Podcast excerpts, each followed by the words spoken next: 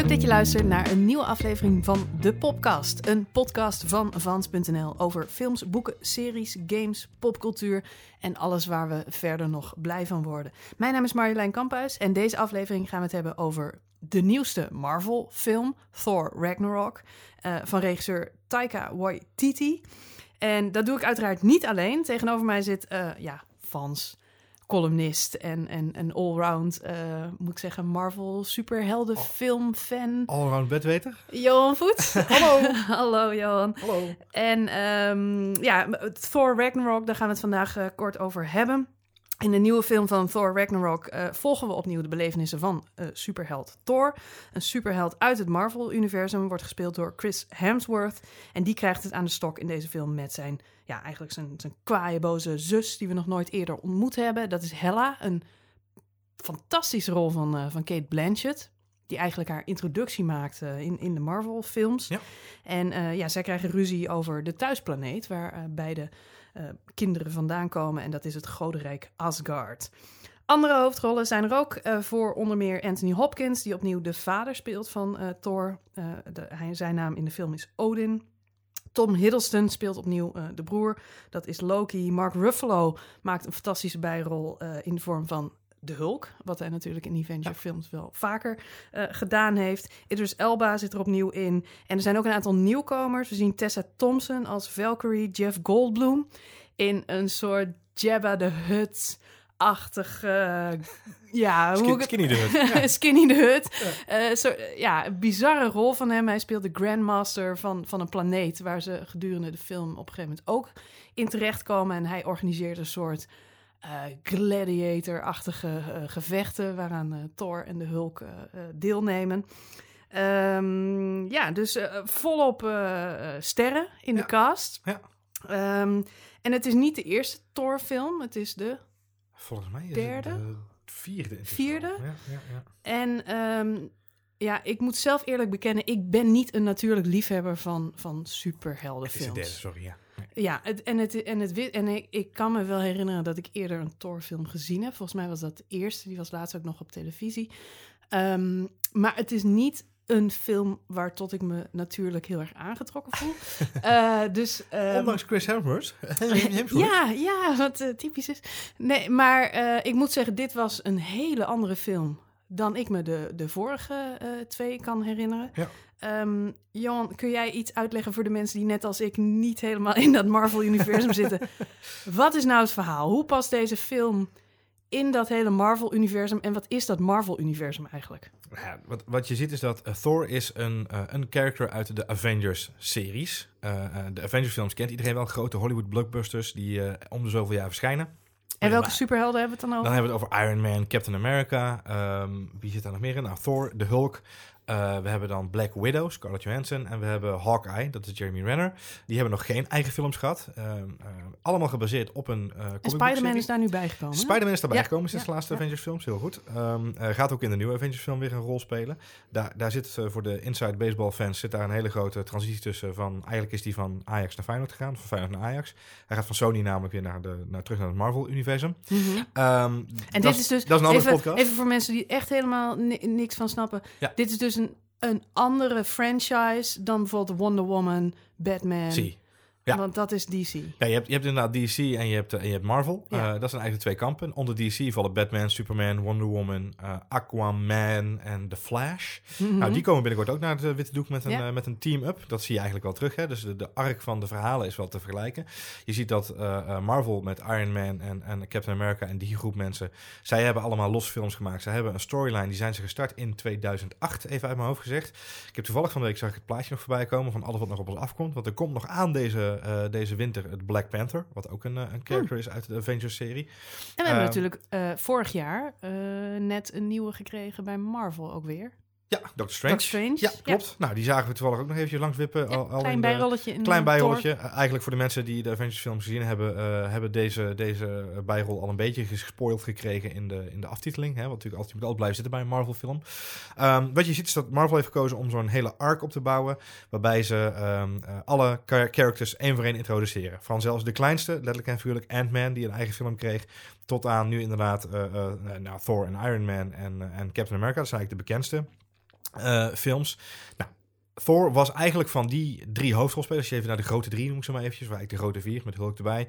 Eh, Hulk, Thor, ehm, eh, Captain America, Iron Man. Dat zijn eigenlijk de vier main characters binnen, binnen de, de Avengers-serie. Was Thor altijd degene die er het bekijs van afkwam, om het zo Hmm. maar even te zeggen.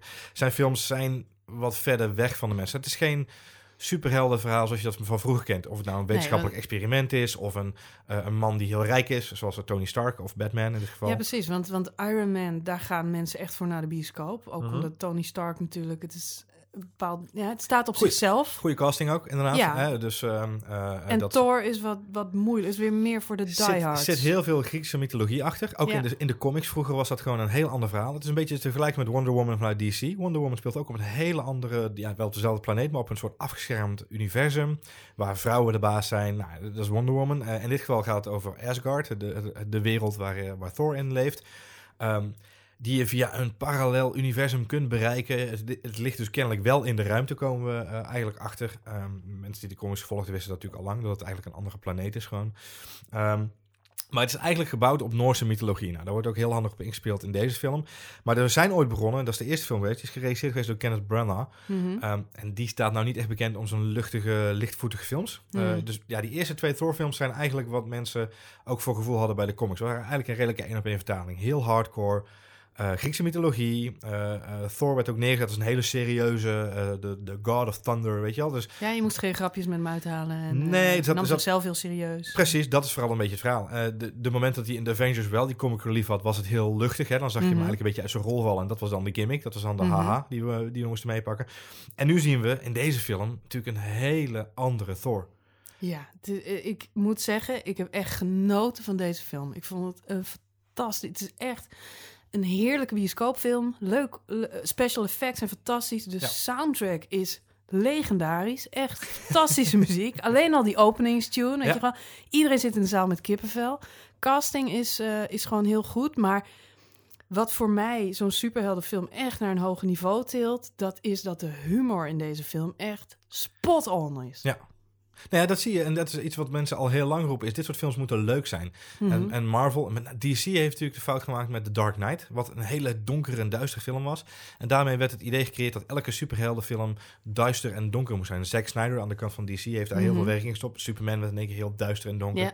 En Batman versus Superman En dat werkt niet voor elk, eh, elke superheld. Elke karakter heeft zijn eigen dingetjes. Ja. En eh, in dit geval zie je gewoon heel sterk... eh, bij Tony Stark zat het ook al een beetje in. De playboy humor en lachen. Nou, de mensen die het Marvel-universum... want laten we daar even focussen nu... die dat een beetje gevolgd hebben... zien natuurlijk heel goed terug dat... ehm eh, Doctor Strange was eigenlijk al een hele grappige film... maar daarvoor al... Guardians of the Galaxy was een van de eerste films... waar echt de humor de boventoon voerde. En Mhm. ook die knipoog naar de jaren 80, jaren 70... ook in de soundtrack. Ehm, daarna volgde Deadpool nog... Wat voor de meeste mensen een sleeper hit is. Onder, onder een hele grote groep mensen heel, heel erg populair. Voor de grote groep mensen eigenlijk een soort van onbekend. Wat zonde is, want het is een fantastisch leuk film. Dus als Deadpool 2 uitkomt, ga er zeker even heen. Eh, daarin voert humor de boventoon. En, en maken ze eigenlijk een soort lethal weapon. Deadpool is misschien wat meer die-hard-achtige, Mhm. eh, zwartgallige humor. Die ervoor zorgt dat je eigenlijk het weer leuk gaat vinden. En dat werkt bij Thor verbazingwekkend goed. Maar dat zit ook voor een groot deel in de regisseur die ze voor deze eh, Ja. film gekozen hebben. Want ik noemde hem al even. Dat is Taika Waititi. Die had volgens mij... Heeft hij comicboek ervaring hiervoor? Nee, eh, en hiervoor had hij een aantal comedies op zijn naam staan. En eh, ik ken Hij hem- is vooral bekend van Flight of the Conchords. Juist, daar ken ik hem vooral van, Ja. ja. De, de, de fantastische Nieuw-Zeelandse slash eh, eh, Australische Wat onder crossover. ja, liefhebbers echt gewoon Ja, super cult super humor. Ja, ja, ja, ja, ja. Eh, hij is eh, echt een, een, hij heeft een comedy-inslag. Eh, dus zijn, zijn verleden is, ligt daar. En dat zie je En terug. dat, dat valt enorm op in deze film. Ik, na afloop had ik meteen eh, Humor was ontzettend goed getimed. En het heeft voor een. Enerzijds natuurlijk is het script. En eh, het script moet grappig zijn. Maar de timing van de humor in deze film was briljant. En waar je, waar je bij een eh comicverfilming al snel een beetje last van hebt... is dat het verhaal natuurlijk flinterdun is. Het gaat, het gaat altijd over boze kwaden... die het een of het ander willen eh, ja, vernietigen. En de film eindigt en begint eigenlijk bij zo'n zo'n badass die zeg maar eh, met, met kanonnen en, Ja. eh, en iets op wil blazen. Ja, Maar in die beide scenario's zit een luchtigheid en eigenlijk door de hele film verweven. eh, ja, door die timing, door, door Klopt. de, de momenten die ze... Ik noem een hele snelle, dit is geen spoiler, want... ehm, Ehm, ja, het is, het is niet eh, heel, heel relevant voor het verhaal, maar er zit, er zit een briljante kut in. Waarin eh, hij met zijn broer Loki op zoek gaat naar hun vader Odin. Ja. En eh, de- volgens mij is de zin letterlijk: waar, waar is ons vader eigenlijk? En vervolgens krijg je een kut naar Londen. Ja. En dan staan ze voor een bejaardenhuis wat in puin ligt. ja, ja, Waarop ja. Loki zegt: Ja. Ik weet zeker dat ik hem hier voor het laatst heb achtergelaten. en ze staan met z'n tweeën naar, naar een bouwput te kijken in Ja. Londen. En de, de overgang van, van twee mythologische helden met al hun hoempapa op de, op de thuisplaneet waar ze vandaan komt. Naar die, die bouwsite midden scène, ja, ja, in ja. Londen. de- terwijl ze allebei gewone kleding hebben. Daarna volgt een briljante scène met Doctor Strange. Die voor het verhaal totaal onbelangrijk is. Doctor Strange zit daar alleen maar in. Voor de nerds zoals wij, die die Ja. andere film ook gezien hebben. Die zoiets hebben van, oh, nou heb je Doctor Strange weer een keer. Eh, en eh, ja, eigenlijk, die scène slaat nergens op. Maar de, de grapjes die daarin zitten, al- dat is een sketch op zichzelf. Je kunt Zeker. dat hele filmpje met Chris Hemsworth en... eh, hoe heet die? Benjamin Cum- Cumberbatch. Cumberbatch. Ja, nee, Benedict Cumberbatch, Benedict. Ja, Cumberbatch. Die kun je op zichzelf, zeg maar, als minifilmpje bekijken. En, en je ligt in een... En je ligt in een scheur. Ja, klopt. Ja. Nou, En dan moet ik ook nog even melken- melden dat Taika Waititi niet alleen verantwoordelijk was voor de regie, nee. maar een van de beste rollen in de film waar Ja. ik echt blauw om heb gelegen. we kunnen er niks over vertellen. We kunnen er niks over zijn. zeggen. Het zou een Maar- spoiler zijn. Op het moment dat je weet van dit is de meest grappige personage uit de film, Ja, dat- dat, is dus dat de regisseur. Ja. De, de regisseur heeft, heeft, heeft die stem ingesproken. Ja. En dat, oh, je ligt in een deuk. Ik heb zo hard gelachen, zo dat- hard en gelachen. En, ik heb dat echt nodig, omdat zo'n superheldenfilm, wat ik al zeg, het verhaaltje is vaak een beetje dun. Special effects, kostuums, ziet er allemaal super mooi uit. Maar als je het te serieus gaat maken, dan, dan haak ik af. Ik zone uit, omdat ik denk, ja, kom op. Weet je wel, dit is, dit, het is Klopt. schattig. Maar, en juist die humor relativeert en, en maakt het zo'n veel leukere film. En dat, en dat maakt dit zo uniek. Omdat dit eigenlijk... Kijk, we hadden het net even over Guardians of the Galaxy en Deadpool. Dat zijn twee franchises die nieuw geïntroduceerd zijn. Dus die mensen, een beetje het publiek, eh they don't give a, a rat's ass. Want ze kennen deze mensen nog niet. Dus het is een nieuwe kennismaking met nieuwe superhelden. Er zijn ook veel mensen die de eerste Thor-films niet gezien hebben. Wat ik net al zei, ik kan Ja. me er één zeker herinneren. Die andere heb ik volgens mij wel stukken van gezien. Ja. Maar je hebt niet die vorige twee films nodig om deze film Geen te kunnen begrijpen. Nee, je kunt gewoon naar de bioscoop gaan, gewoon instappen. Het is een ontzettend vermakelijk Maar film. wat, wat de transitie zo spectaculair maakt, is eigenlijk het feit dat we dus begonnen zijn bij die donkere, duistere wereld. Eh, volgens mij heet de tweede film ook daadwerkelijk The Dark World. Dat is dan een beetje het onderhand wel. Mm. Ehm, eh, een beetje die duistere Thor, die saaie Thor, naar nu full arc, gewoon helemaal aan de andere kant van het spectrum, humor. En dat is heel knap, omdat inderdaad, we, we kennen deze karakter al, we kennen deze persoon al. Eh, en ik denk, dat, dat vind ik ook het grappige, dat, dit is ook geen spoiler, want het zit in de trailer, zijn haren worden afgeknipt, weet je? Er wordt, wordt gewoon alle je kanten... ziet echt dat zijn karakter een, een transformatie doormaakt in deze film. Hij raakt zijn haren kwijt, hij krijgt een andere rol. eh, dus hij maakt zelf als Hij- personage... Hij wordt, hij, wordt, hij wordt onder de indruk, hij raakt onder de indruk van, van, van Tessa Thompson, de Valkyrie Warrior, zeg maar. Waar die, nou, dat hij is, is, natuurlijk dat, de held eigenlijk, maar Ja. hij is toch, speelt toch een beetje tweede Nee, viool dat wil haar. ik nog wel even aanstippen. Want, want nu eh, eh, brengt het Thor Ragnarok misschien terug tot, tot een hele vermakelijke, grappige film. Maar ik vind dat ze er heel erg goed in geslaagd zijn om ook een aantal wat serieuzere dingen aan te stippen. Te Eén daarvan, ja, ja, één daarvan is eh, hoe het vluchtelingenprobleem Ja. eh, min of meer geïllustreerd wordt door wat er op de thuisplaneet Asgard ook plaatsvindt in de Ja. film. Eh, waarin heel erg gezegd wordt: een, een, een thuisbasis is niet een fysieke plek in de wereld. Een thuisbasis is een volk. Zit in je, in je hart en in je Zit cultuur. in je hart. En eh, hè, als je het volk oppakt, dan kun je dat elders ook weer eh, zijn Ja. met z'n allen. Dus het is een hele sentimentele boodschap die, eh, die daar subtiel in verwerkt wordt. En als je de Amerikanen een beetje kent, ook wel maatschappijkritisch bedoeld is.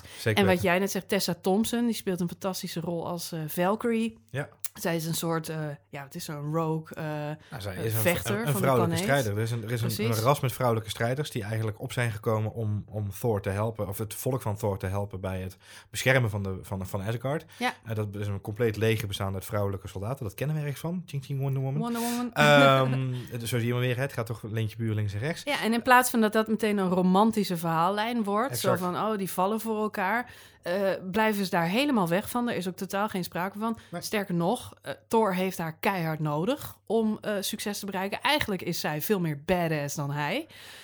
Want hij, op een gegeven moment zit een scène in dat hij denkt, oh, volgens mij moet ik ook iets gaan doen, want die chick is alle werk aan het doen. Ehm, En eh, ja, de, geen romantische dynamiek, maar echt gewoon wederzijds respect. Hij zegt Ja. op een gegeven moment zelfs tegen haar... van, oh, jij bent, jij bent een, van- een van, die, van die strijders. Ja. Dat wilde ik vroeger altijd worden. Ja. Totdat ik erachter kwam dat ze geen jongetjes toelaten. dus, dus, dus, dus, dus zit ook op die manier... eh, ja, echt, er zit zoveel ontwikkeling in. Hollywoodfilms. En ik word daar zo enorm blij van... dat die grote studiobazen... dat er echt in Hollywood zo'n... Zo'n, ja, een er is een luikje open gegaan van... goh, laten we eens kijken hoe we vrouwen op een andere manier kunnen gaan neerzetten. Ja. En deze film is daar ook zeker een voorbeeld van. Zeker Hele stoere rol. We kunnen, we kunnen het segment niet afsluiten zonder Jeff Goldblum. ja. Wat een held. Wat een held. Ik moet zeggen, ik, ehm, ik heb hem laatst gezien bij Graham Norton. Daar mocht hij komen vertellen over deze film. Oh man. En toen dacht, en, en ik realiseer me nu dat Jeff Goldblum in de film ongeveer hetzelfde is als Jo- Jeff Goldblum in Hij het speelt echt. Jeff Goldblum, ja. Hij Ja. speelt Jeff Goldblum. Dat is Jeff being Jeff, ja. Mijn god, wat een figuur. Heerlijk inderdaad. Het, het, eh, alleen al zijn rol, eh, die hadden ze heel beperkt kunnen houden. Maar daar, daar maken ze, en dat vind ik het toffe van de regisseur en van de scriptschrijvers ook. Ze pakken een, een, een karakter, wat eigenlijk in principe, als je het in de basis gaat terugbrengen, als je de film gezien hebt, kun je het met me mee beamen. In de, in de basis zouden ze hem helemaal kunnen terugbrengen naar inderdaad drie, vier, misschien vijf scènes. Maar op zijn manier speelt hij een rol in de film, waardoor je zelfs als je het theater uitloopt, de bioscoop uitloopt, nog moet grinniken om wat hij allemaal gedaan heeft. En, en ik ga daar geen spoiler over maken, maar geloof me, er zit een, een, een verwijzing naar zijn spaceship in. Daar, daar ga je de rest van de week nog over doorlachen. Wat heel sterk is, even nog terugkomend op eh, wat, wat, wat wil deze film nou ook op de agenda zetten. En dat geldt ook voor Jeff Goldblum. Dat is dat de karakters niet zo cliché zijn als dat we ze doorgaans kennen. Ja. En ehm, Kate Blanchett, die de, de evil sister eh, speelt. Klopt. eh, er zijn eh, journalisten in Amerika die zeggen... zij heeft bijna een soort dra- drag queen-achtige appearance in deze Ja. film. Zij, ze heeft natuurlijk van zichzelf een hele diepe stem al. Maar ook ja, het Haar kostuum, statuur, ja, haar ja. statuur en wat zij aan heeft. Het is echt gewoon een knipoog naar de drag queen eh, eh, cultuur eigenlijk. Hoe zij daarin in staat. Jeff Goldblum, on the other hand, eh, zou zo in de reguliere dwarsstaat, zeg maar, eh, een kroeg kunnen runnen. Ja. En, eh, en, en is juist weer heel erg feminine in zijn, in zijn kleine tikjes, zeg maar, die hij heeft. Dus Eens, heel erg genderfluide. Ik vind het echt heel erg grappig om te zien hoe acteurs en hoe filmmakers daar op dit moment eh, mee omgaan. Ja, en, en, en nou, wat ik al zei, de humor is, is absoluut de moeite waard. Dus eh, ga je dit weekend nog, eh, nog op zoek naar bioscoop? Of na het weekend mag natuurlijk ook gewoon, door de weekse avonden. Ja, Thor Ragnarok Thor draait inderdaad nu in de bioscoop. Ik kan het je absoluut aanraden. Dit is een van die films die je niet later thuis op je kleine tv'tje of grote tv'tje wil zien. Dit is echt zo'n film waar je in de bioscoop moet van gaan genieten. Eén tip die ik je wel kan geven, blijf zitten. Ook na de af- aftiteling. uiteraard. Tot twee keer toe. De meeste mensen doen het niet, maar blijf tot het einde zitten. Goed, na de break zijn we terug. Dan gaan we het nog kort even hebben over Stranger Things. Op Netflix eh, draait die serie sinds eh, vorige maand. En we gaan het hebben over wat ons eh, blij maakt.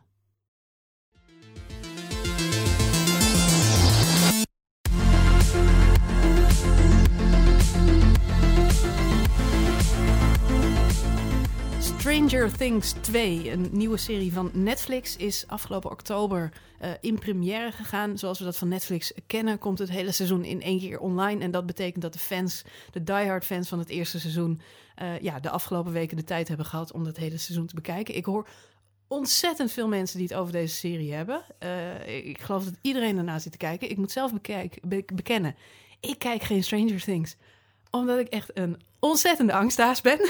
dus ik hou gewoon niet van alles wat een beetje freaky, scary, eng, duister, donker, aliens, horror. Ik hou er niet van. Nee. Dus ik heb deze even overgeslagen. Maar ik ben wel heel benieuwd, Johan.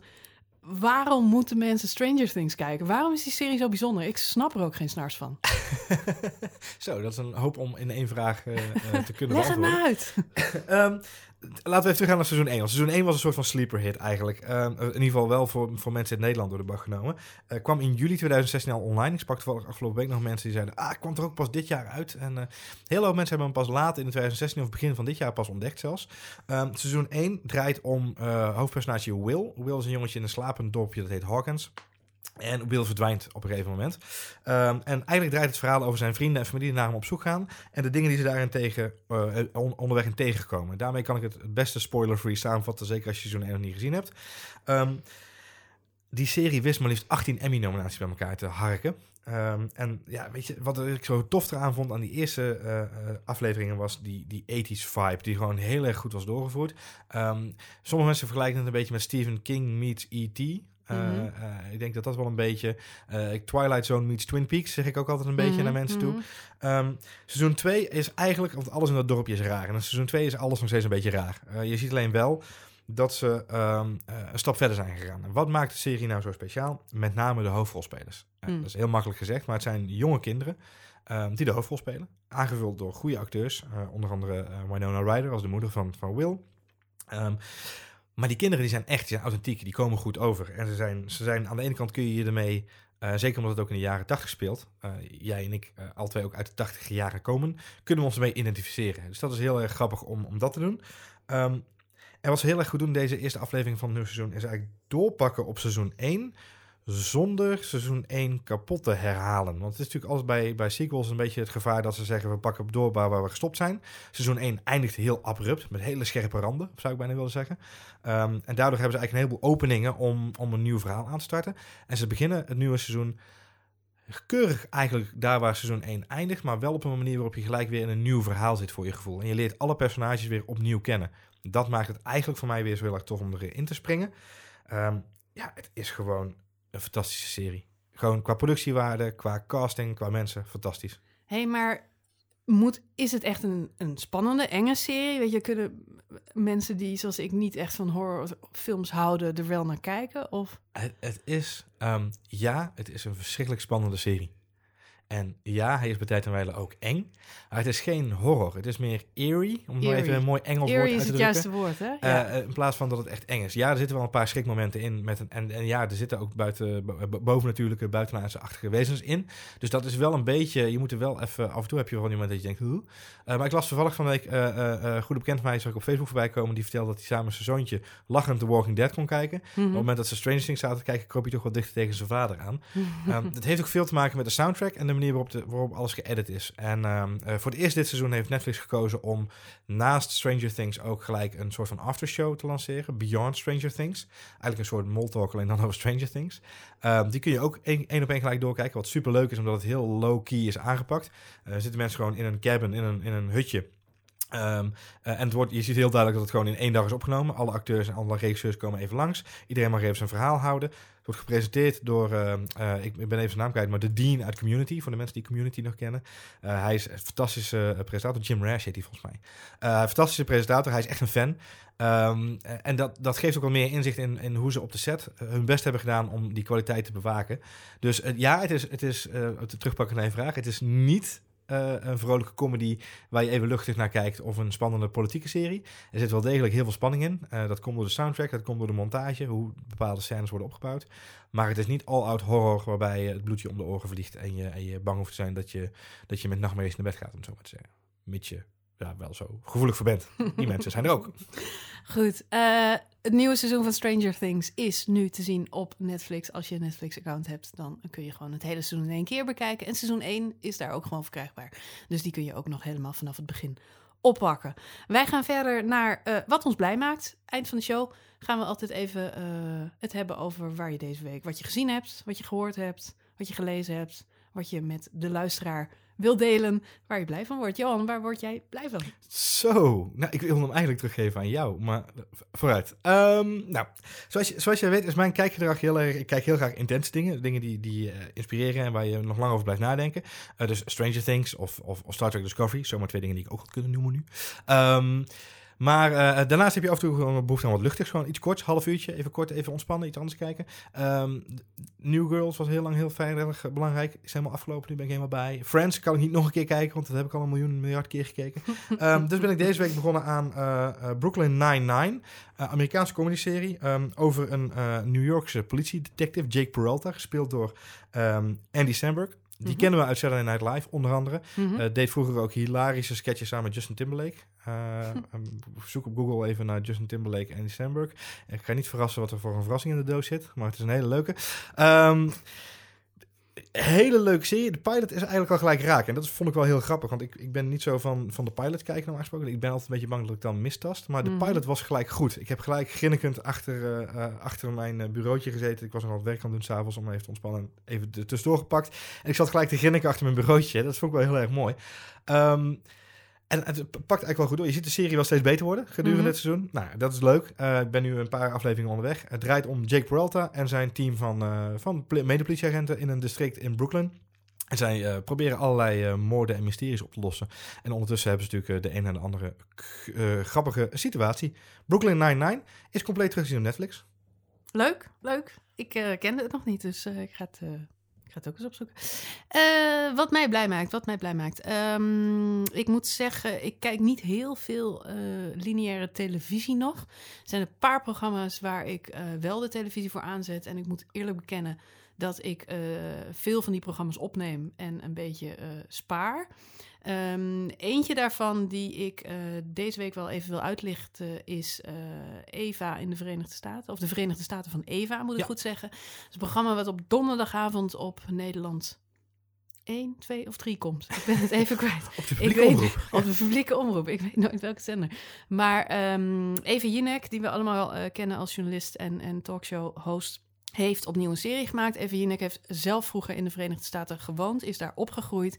En zij is afgelopen zomer, eh, eigenlijk het eerste jaar dat Donald Trump daar nu president is, teruggegaan naar Amerika. En zij maakt een rondreis door een aantal staten. En in elke aflevering staat één thema centraal. En ze heeft nu onder andere al een aflevering gemaakt over de gezondheidszorg.